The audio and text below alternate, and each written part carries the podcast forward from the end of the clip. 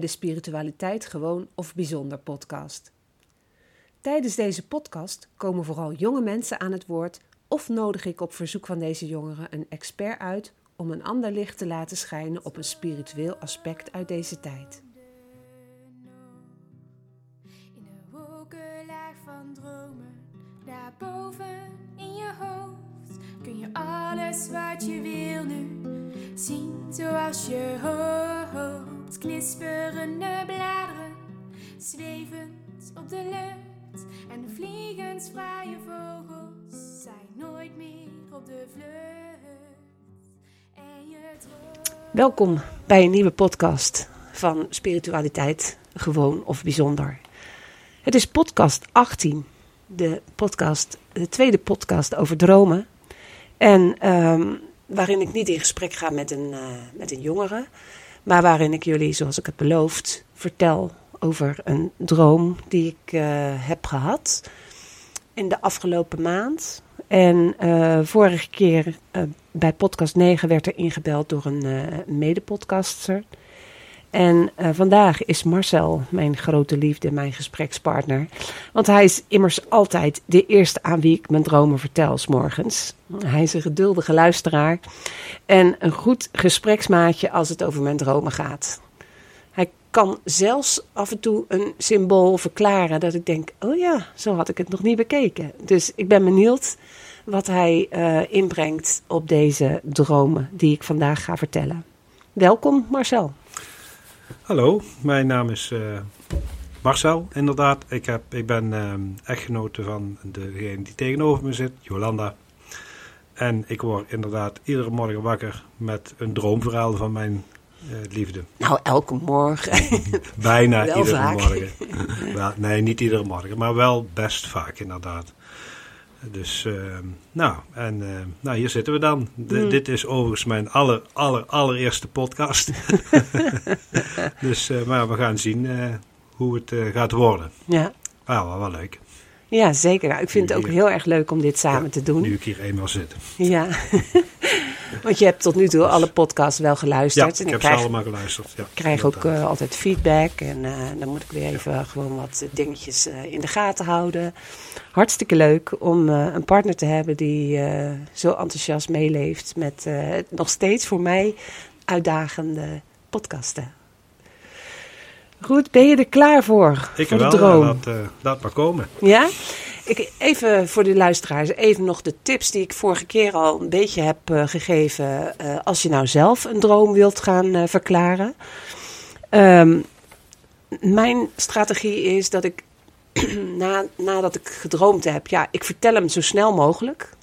In dit geval aan Marcel, want het is de enige die bij mij in huis woont. en op het moment dat hij niet voorhanden is, daar heb ik de laatste tijd mee geëxperimenteerd. Pak ik mijn telefoon. Ik heb twee telefoons, één van mijn werk en eentje van thuis. En dan eh, doe ik een, eh, een WhatsApp-bericht sturen van de ene naar de andere telefoon met een spraak. En eh, dan luister ik hem la- de hand toe af en dan ga ik hem uitschrijven. Dus als je niet wil schrijven, je hebt geen pen en papier bij de hand, stuur eventjes een WhatsApp-spraakberichtje naar iemand die hem voor jou kan bewaren. Goed, de droom die is van 17 januari, jongsleden. En ik droomde dat ik een uitnodiging kreeg van een kale man. Ja, een kale man. Ehm, en deze man die vroeg mij om nog een keer terug te duiken in het universum van mijn verleden. Denk ik, ja, eh, hallo. Eh, aanvankelijk had ik er helemaal geen zin in. En, en ik dacht, ja, dat verleden is al lang voorbij. Dus eh, daar kan toch niks meer aan veranderen. Maar toen zei hij, alsjeblieft, hier heb je een, grote glasscherf van een spiegel. En ik dacht, ja, wat moet ik daar nou mee? Hij zei, gebruik dit maar als hulpmiddel om te kijken wat het is geweest dat je zo graag wilt vergeten. Dat glas weerspiegelt en daardoor kun je de dingen anders bekijken. Je laat er als het ware op een andere manier het licht op schijnen. Ik zuchtte nog maar eens en ik dacht, nou, dat moet dan maar. En ik keek vanuit een hoog standpunt. Het leek inderdaad wel of ik in het universum was en naar mijn leven keek. Ik zag een cirkel. En de cirkel werd verlicht en ik dacht, daar ga ik naartoe. ik sprong, nam een duik en zag alles vanuit een hoog perspectief. Het leek alsof ik aan het vliegen was. Nou, heerlijk vliegen. Dat ken ik wel uit mijn dromen. En ik kwam langzamerhand dichter bij de cirkel en landde in mijn kindertijd. Er was van alles aan de hand. Ik stond daar maar en, en ik zei niets. En ik, ik herkende verschillende mensen en de kinderen en die in de straat woonden. En waar ik mee speelde. Uh, ja, ik stond daar en niemand keek naar mij. Um, ik keek naar de scherf in mijn hand, want die had ik uiteraard natuurlijk meegenomen. En ik dacht, ik moet die scherf gebruiken om een ander licht te laten schijnen, of ze me dan wel zien. En net zoals het spelletje vroeger, toen we met een stukje glas gaatjes in papier probeerden te branden, omdat, omdat de straling van de zon zo fel was. Dat was altijd wel een uitdaging. Hè? Dan kwam er zo'n rooksliert en dan uh, begon dat papier te branden. Um, de mensen om me heen die keken een beetje verschrikt naar mij toen ik daarmee begon. En, uh, maar ik was wel ineens het middelpunt van de belangstelling. Dus dat kan je je voorstellen. Het was een hele vreemde gewaarwording. Dat was het eerste gedeelte van, van de droom. Of eigenlijk de droom waarmee ik wakker werd. En um, daarna dacht ik, hè, die kale man, wat, wat, wat, wat is dat? Wie is dat? Ken ik die?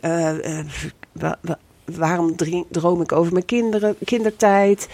Um, waarom uh, krijg ik nou een stukje van een spiegel? ja, en die cirkel dan, die cirkel van licht, wat, wat zou dat dan te betekenen hebben? Dus er waren allerlei symbolen die bij mij gelijk vragen opriepen. Toen jij die droom hoorde, wat, wat kwam er dan het eerste bij jou uh, naar boven?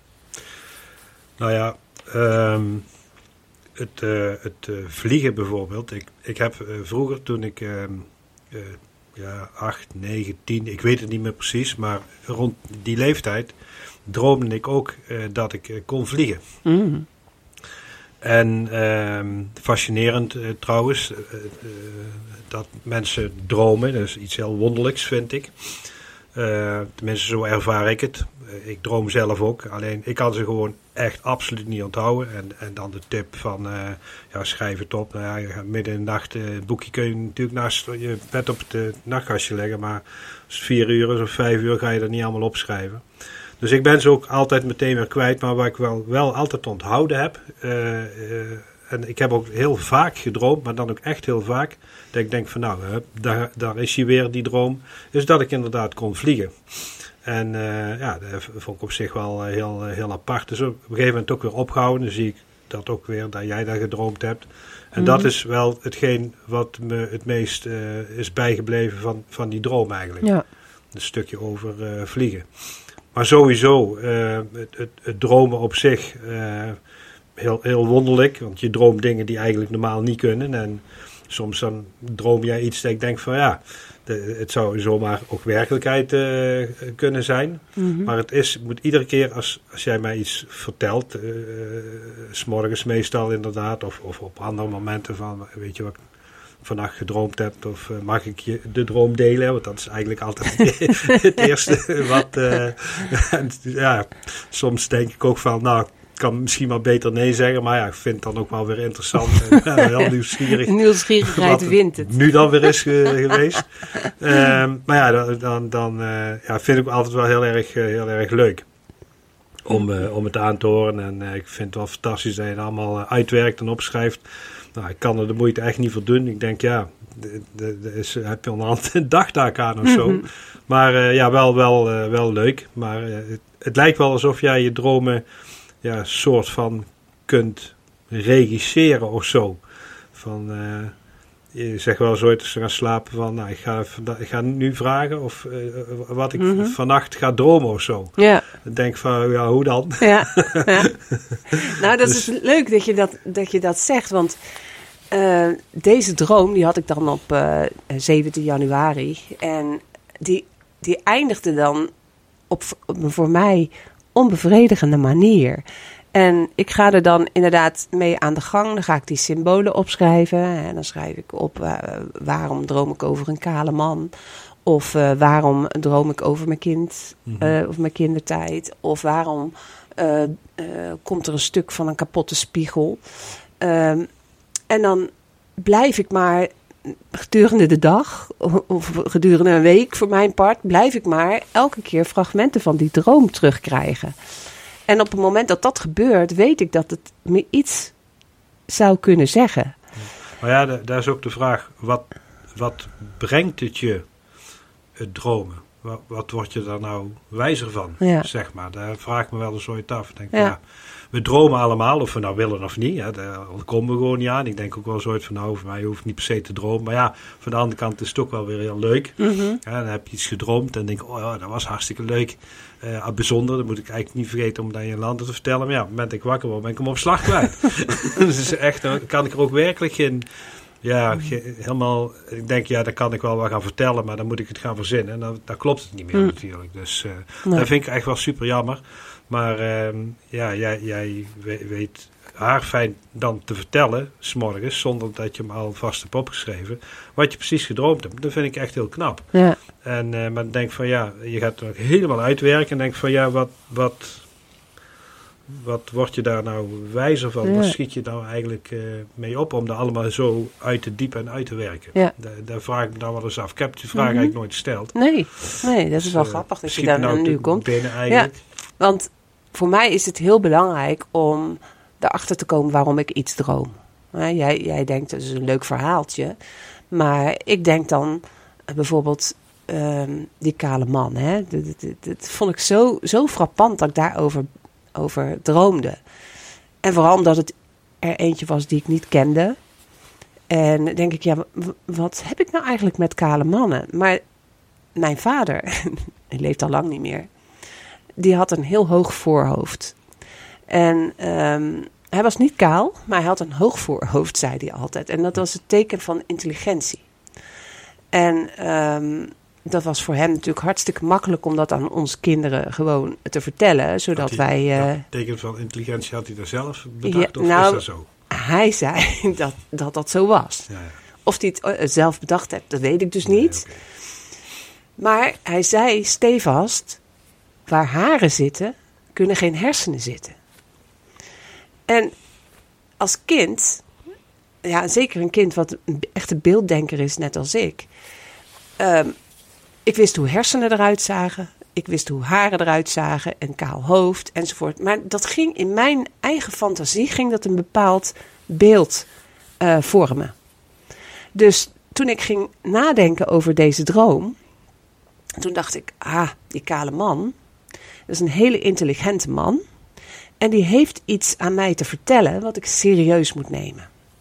Dus dat, daar begon de droom mee. Met een kale man die mij iets ging vertellen wat ik serieus moest nemen. En ehm, nou ja, ik heb hem serieus genomen. Want dan zou ik nou de- deze droom natuurlijk niet vertellen. Vervolgens ging het over mijn kindertijd. En eh, voor degenen die ook mijn eh, allereerste podcast hebben geluisterd, waarin ik mezelf voorstel en waarin ik iets vertel over mijn kindertijd, ehm, was, was niet altijd even leuk. Vooral omdat dat spirituele stuk ja, eigenlijk niet werd gezien of geaccepteerd. En daardoor voelde ik me vaak alleen en eh, had ik het gevoel dat mensen mij niet zagen staan. Ik mocht ook niet laten zien wie ik was en wat ik, wat ik zag en eh, nou, dat soort dingen. niet aan je ouders. Nee, niet aan mijn ouders, maar doordat je dat niet aan je ouders mag laten zien, kun je er ook niet echt openlijk over praten. Want er zijn meer mensen die daar misschien iets van zou kunnen vinden. nou, daarom, toen deze, in deze droom mijn kindertijd weer naar voren kwam, had ik aanvankelijk helemaal geen zin om daar weer eens een keer naar te kijken. Eh, maar als je kijkt naar kindertijd, wat dan de symbolische betekenis is, is bijvoorbeeld dat het gaat over de puurheid van een kind, de onschuld. Een kind is onschuldig, is puur, is ehm, ja, open, is, als het goed is, zorgeloos. Dus ik mocht kijken naar dat aspect in mijn ehm, kindertijd. En in die droom kwam dat naar voren. En aangezien ik daar niet echt om stond te springen, kreeg ik een hulpmiddel mee. Dat was die spiegel, dat stukje van die spiegel. Dacht ik ook nog eh, van nou, een gebroken spiegel, dat eh, betekent zoveel jaren ongeluk of zo. Dat is dan zo'n eh, zo'n spreekwoord. Maar hier ging het voornamelijk over het, het stukje ehm, spiegeling. Dus je gaat in die spiegel kijken, reflecteren, zeg maar, terugkijken. En ehm, omdat het over het kind gaat, ging ik kijken, terugkijken naar het kind in mezelf. En die spiegel was een, eigenlijk een hulpmiddel waardoor dat makkelijker ging. Nou, vervolgens was ik dus in die cirkel eh, van licht gedoken. Nou, cirkel, eh, voor degenen die mij kennen, die weten dat ik heel veel teken binnen de cirkel. Als teken van heelheid. En ehm, die, die cirkel kwam hier ook heel sterk naar voren in combinatie met licht. En dat licht is dan weer eh, ja, die onschuldigheid of die onschuld die een kind eh, met zich meedraagt. Elk mens draagt licht met zich mee. Maar er komen, naarmate je leven, voor, leven vordert, steeds meer schaduwkantjes bij. Dus ik mocht teruggaan naar dat licht. En het mooiste vond ik nog uit die hele droom, dat moment dat ik met die scherf ehm, en de focus van de zon, het brandpunt van de zon, een stukje eh, ging laten ontbranden. En als ik nu terug ver- vertel over die droom, dan kom ik terug op dat moment dat ik de aandacht kreeg van iedereen die daar was, kinderen en volwassenen. Die keken allemaal wat ik aan het doen was en dat dat ging ontbranden. Dus wat betekent dat dan? Dat, dat, dat zijn dan voor mij vragen die open blijven na zo'n droom. Kan wel zeggen van ja, ik kreeg eindelijk aandacht, maar dat staat ook een beetje, beetje raar. Dus op jouw vraag van waarom zou ik willen weten wat mijn droom betekent, er zaten zoveel symbolen in. Ja, wat brengt het je? Ja. Daar komt ongeveer hetzelfde neer. Ja, maar er zitten zoveel symbolen in. Dat ik denk van, het is niet zomaar dat ik dat droom. Want mijn onderbewustzijn haalt allerlei aspecten bij elkaar. De kale man en die cirkel en eh, het lampje of het, eh, het lichtje en de, de spiegel. Alles wordt bij elkaar gehaald. En ik maak er een eigen verhaal van. En dan kan je wel zeggen van ja, je hebt een beetje te veel fantasie. Dat was inderdaad wat mijn ouders altijd zeiden. Dat ik te veel fantasie had. Maar voor mij is het essentieel dat ik bedenk van nou, wat zou het me dan willen zeggen? Nou, en na die, die droom en nadat daar twee dagen over nagedacht te hebben, of een, anderhalve dag over nagedacht te hebben, dacht ik van nou, ik moet het antwoord toch nog in mijn onderbewustzijn halen. Dus toen zei ik s'avonds, voordat ik ging slapen, ik wil nog een droom. En deze, de droom die ik nu ga krijgen, die gaat mij antwoorden geven Heel bijzonder. op de, op de eerste droom. Droom op een soort commando. Ja, Maar Ja. goed, maar het lukte wel. ik sta nergens meer van te kijken. Ja, want toen ik 's morgens wakker werd, toen dacht ik, wow. het is echt een vervolg. En dat, ik was daar ook heel erg verbaasd over hoor. Want ik maak dan een geintje voordat ik ga slapen. Van nou, ik ga nou vanavond dromen over dat en dat. Ja, en dan wil ik een antwoord. tegen mij. Ja, En dan denk ik, oké, succes. ja, nou ja, goed. Het, het was gelukt. En ehm, droom is dus voor jou een soort zelfontwikkeling of zo. ja, Om meer van je eigen leven te begrijpen. ja, van mijn, Eh, van Van je eigen... onderbewustzijn. eh, van mijn onderbewustzijn, denk ik. Ja. Ja, ja, ja. Oké. En eh, je gebruikt daar eh, zaken uit je normale bewuste leven, die, als je die op een, eh, op een rijtje zet, ehm, ja, het verhaal van je onderbewustzijn kunnen vertellen. Maar daar kom ik zo meteen nog wel even op terug bij het, eh, als, als mensen zelf eh, hun droom willen analyseren. Ik heb in ieder geval, eh naar aanleiding van die eerste droom, had ik een conclusie geschreven. Ehm, door de spiegelscherf te gebruiken om opnieuw naar mijzelf als kind te kijken, kom ik in het middelpunt van de belangstelling te staan. Dat was een heel belangrijk gegeven. Dit lijkt te duiden op een transformatie van mijn kindaspect. Het mag in het middelpunt komen staan met zijn puurheid, zijn schoonheid en zijn glans. De cirkel is de veilige ruimte, maar ook de compleetheid. En het hoge standpunt vanuit het universum laat zien dat ik vrij ben en ben losgekomen. Ik, ik- dat vliegen, hè, waar jij het ook Ja. over had. Dat je je zo vrij voelt, dat je alle kanten op kunt gaan. En voor mij is het dus maar één eh, ja, boodschap dat er een stuk is getransformeerd of veranderd in mij. Dat ik losgekomen ben van een oud stuk. Ja? Nou, dan kwam er op 19 januari een tweede droom. En die was min of meer het vervolg. Ehm, ik keek weer vanuit hetzelfde standpunt, maar zag nu weer meer lichtcirkels. Dus niet eentje, maar een aantal lichtcirkels. En die zelden eigenlijk een beetje als die ik in mijn eerste droom had gezien. En ik kreeg de bedoeling, of de, de, de, de opdracht om meerdere van die cirkels te gaan eh, bezoeken. En ehm, ik had er zin in en dook vanuit het universum richting die cirkels. Het, het vliegen voelde weer geweldig.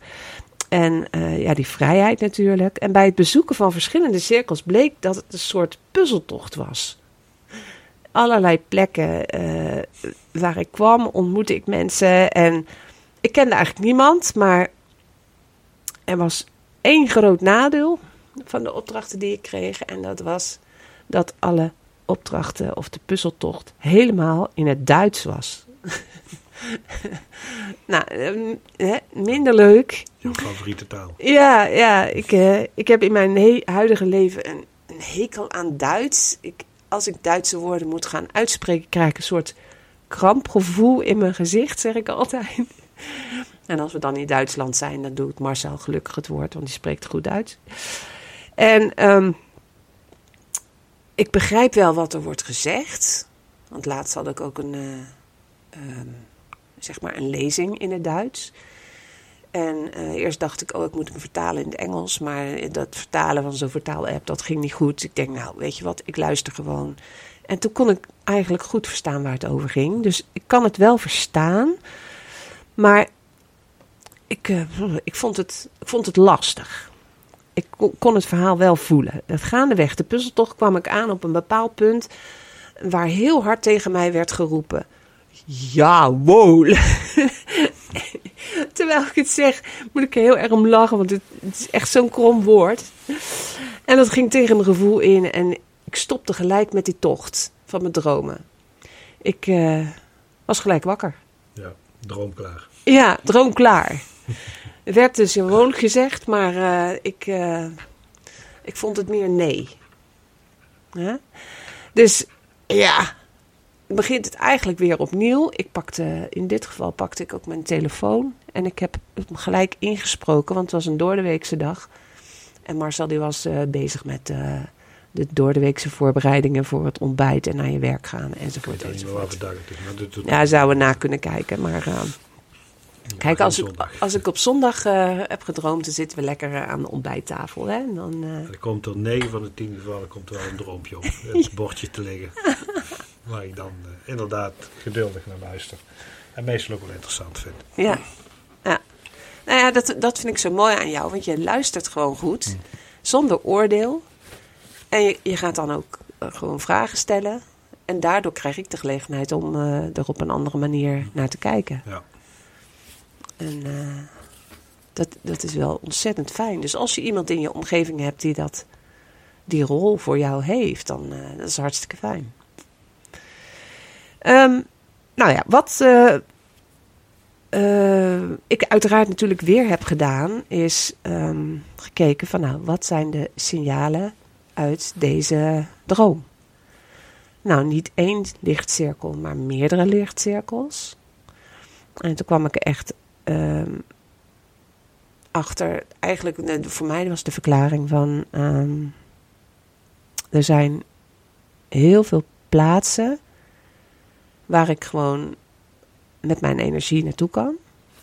En waar ik gewoon uh, in, een, in een veiligheid kan zijn. Allemaal lichtplaatsen. Huh? Wat, heb ik deze verklaring met jou besproken? Uh, nee, denk het niet. Nee. Nee, Nee. ik kan Maar- me dat althans niet zo gauw eh, herinneren. Ik heb het net even doorgelezen voordat we begonnen, maar Mhm. ik kan me dat niet herinneren. Want die jawohl, dat wist je nog wel. Ja, ja, dat wel, ja. Dat ik dat wel toen... blijven hangen. Ja, het kwam uit mijn tenen. en eh, nou, het vliegen zat er weer in, het universum zat erin. En die puzzeltocht. Als jij, als jij nou naar mij eh, luistert hè, en je kent mij, eh, wat ik heb met puzzels. Ja, Wat, wat zou dan voor jou het idee kunnen zijn wat er achter die puzzeltocht zit? het zoeken naar oplossingen. Mhm. Ehm, maar hoe, hoe dat, ja, eigenlijk past dat niet zo bij jou, naar oplossingen zoeken, vind ik. Nee, maar ik heb toch deze droom Ja. gevraagd als eh, zeg Ja. maar een, eh, een oplossing. Maar waarom, je bedoelt waarom ehm, die puzzeltocht er Ja. in, in de droom zit. Ja, Ja, de- dat weet ik niet. nee. Nee, dat, dat weet ik echt niet. nee. Ehm, Ik denk, als ik dan naar mezelf kijk, puzzelen doe ik heel graag. Ik, ik heb elke maand Heel weer een heel puzzelboekje. ja, Puzzelbrein. ja daar, kan, daar kan ik me heel erg in ontspannen. En ehm, ik ben altijd tot aan het zoeken naar eh, oplossingen, dat klopt wel. Dus het is een manier van mij om te communiceren, denk ik, Met jezelf. met mezelf. Mhm. Ja. ja.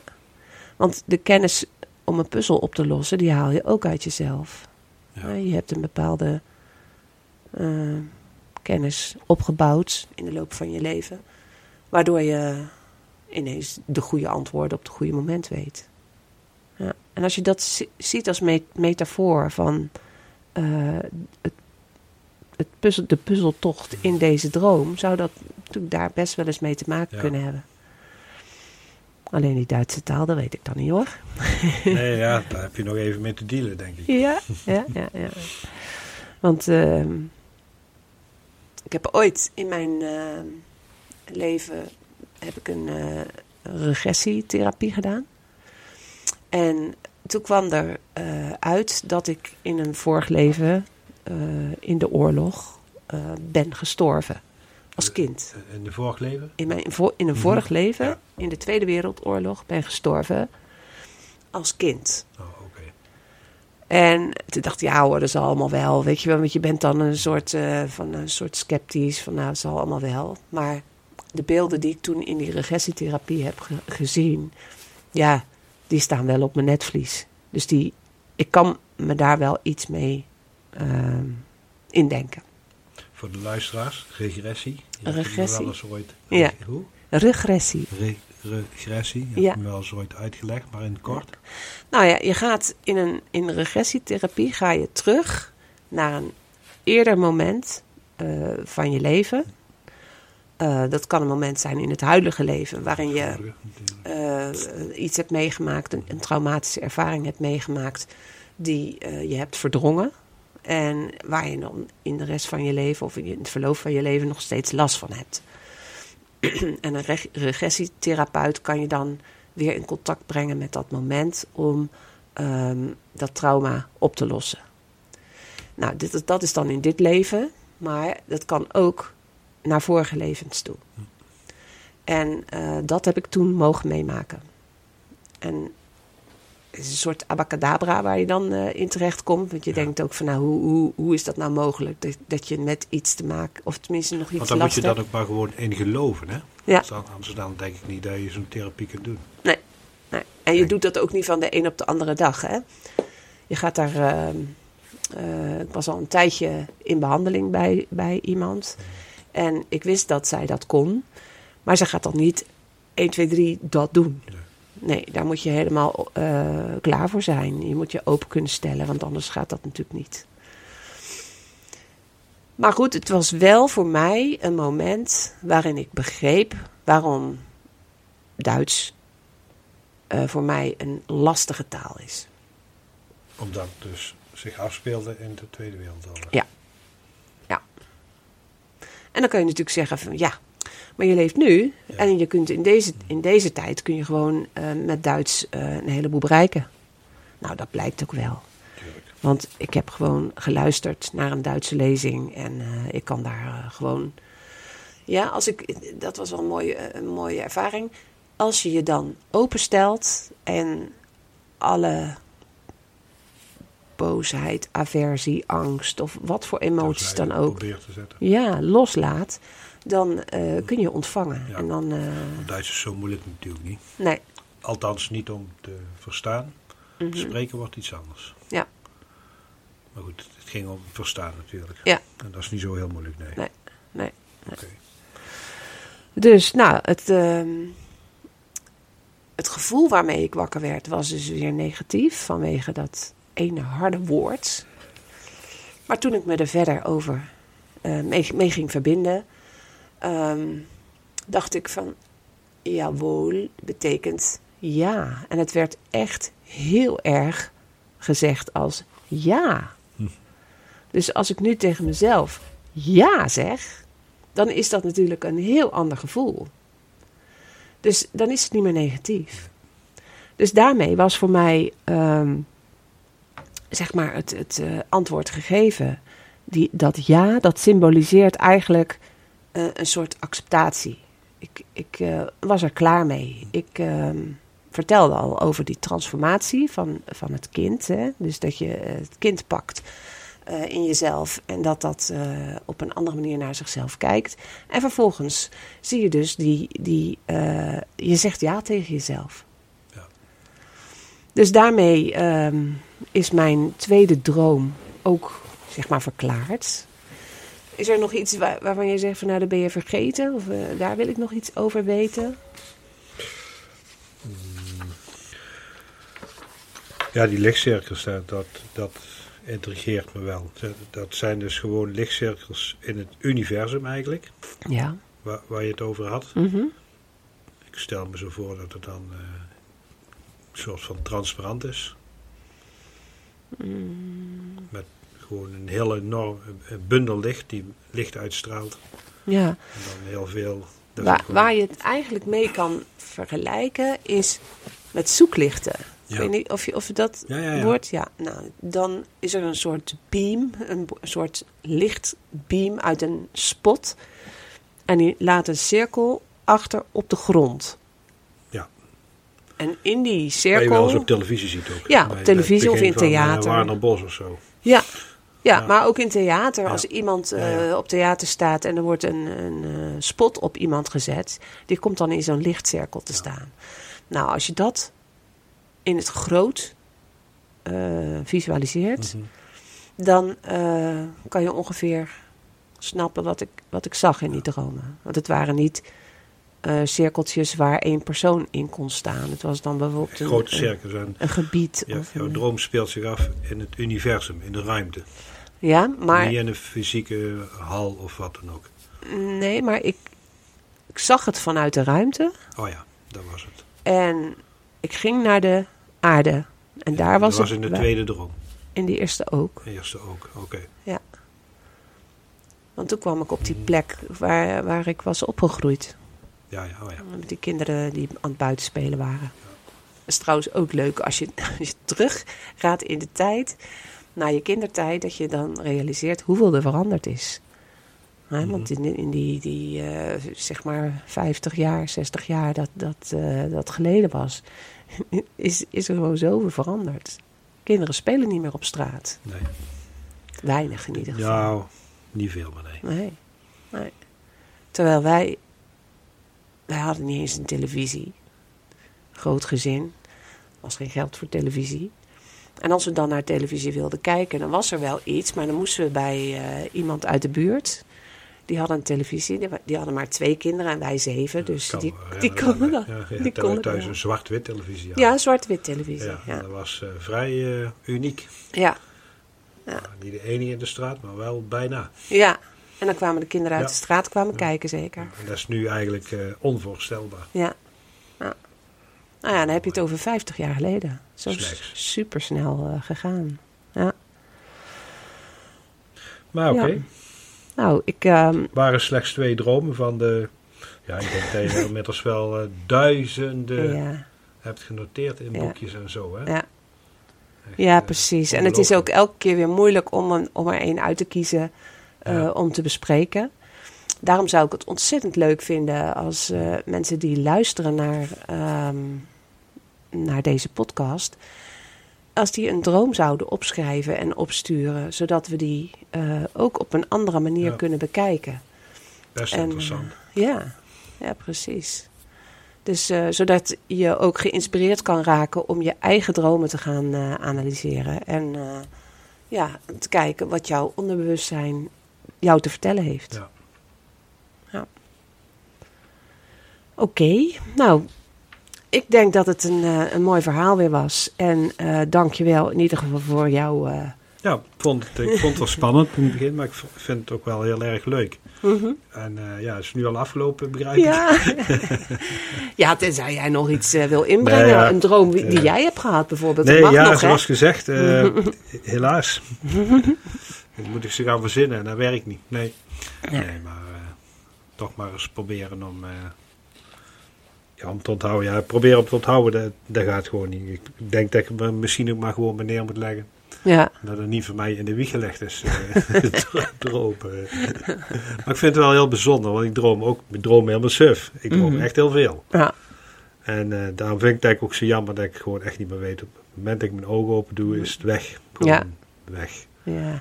Maar het is wel leuk dat je begon met het verhaal dat je toen in een jaar of acht, negen of Ja, tien was. me nog goed herinneren. Dat je nog goed kan herinneren dat je droomde dat je kon vliegen. Ja, vrijheid, vliegen. En ja, en ehm, het is een algemeen gegeven dat als je droomt over vliegen, dat je vrij bent van je lichaam.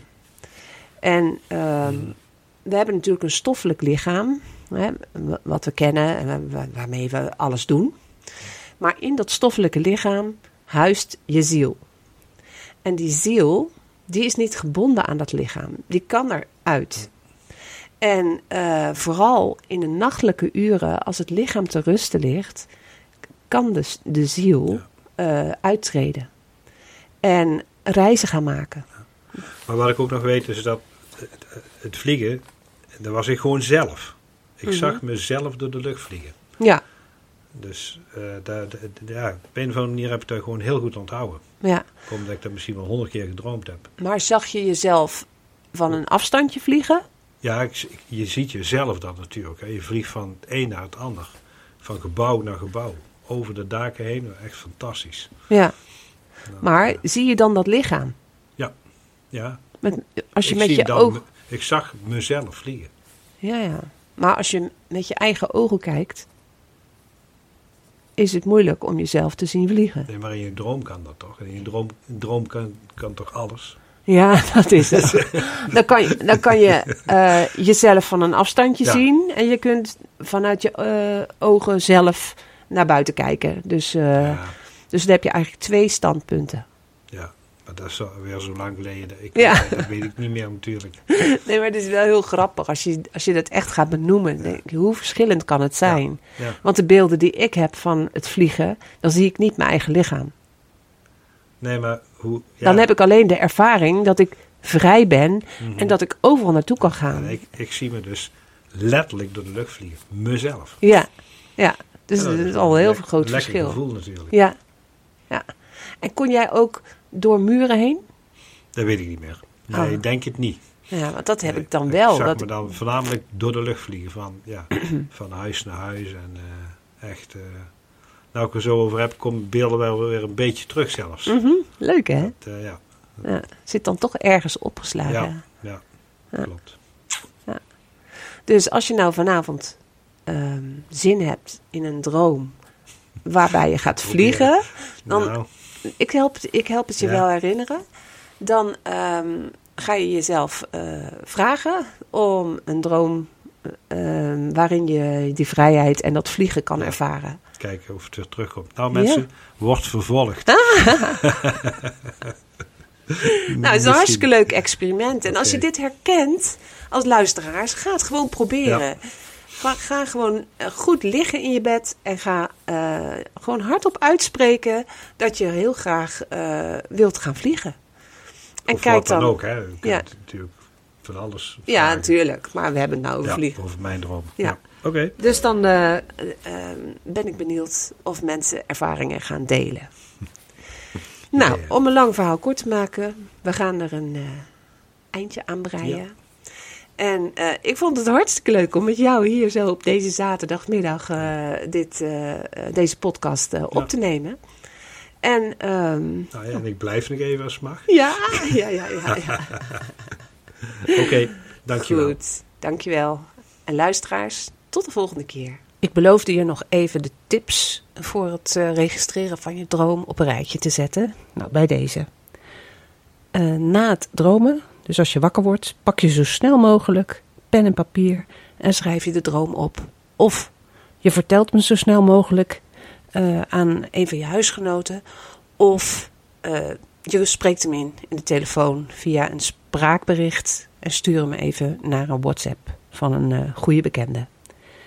Vervolgens, de tweede stap, ga je eh, de droom zoals je hem hebt opgeschreven op een later moment, ga je hem eh, nalezen en eh, of even uitschrijven nadat je hem opnieuw beluisterd hebt. En je maakt met een goede afstekende kleur de woorden die ja, voor jouw gevoel belangrijk zijn, die, maak je, die markeer je. En daar maak je een apart lijstje van. Nou, daar ga je op mediteren. Dat is de volgende stap. En ga je kijken van nou, wat betekent ehm, zo'n signaal voor mij? Dus denk bijvoorbeeld aan, aan de kale man. Daar vertelde ik het verhaal eh, wat mijn vader zei over eh, de intelligentie van een man die geen haar heeft. En eh, je gaat dan op die manier ga je kijken naar de symbolen, zodat jij weet ja, wat eventueel een gedachte zou kunnen zijn om mee verder te gaan. Nou, vervolgens eh, ga je gewoon zitten en schrijf je je, je verhaal. Je, herschrijft je droom. En als je er hulp bij nodig hebt, dan vraag je dit aan mensen om je heen. Of je belt mij eventjes. Ik eh, kan je altijd een stukje verder helpen. Ik ben benieuwd of er mensen zijn die hun droom eh, met mij willen delen. En zodat we in podcast nummer 27 een, een droom van iemand anders kunnen bespreken. In ieder geval heel veel succes en ook genieten van alle mooie dromen die gaan komen. Tot de volgende keer. Heb je nou zelf een verhaal wat je wilt delen? Dan nodig ik je uit om een mail te sturen naar jolandahelverstein.gmail.com En dan is Helverstein met E lange ei. Ook kun je voor verdere informatie een bezoek brengen aan mijn website jolandahelverstein.com. Graag tot een volgende keer. Sluit je ogen maar, doe ze zachtjes toe en droom dan maar zacht. De boze dingen uit jouw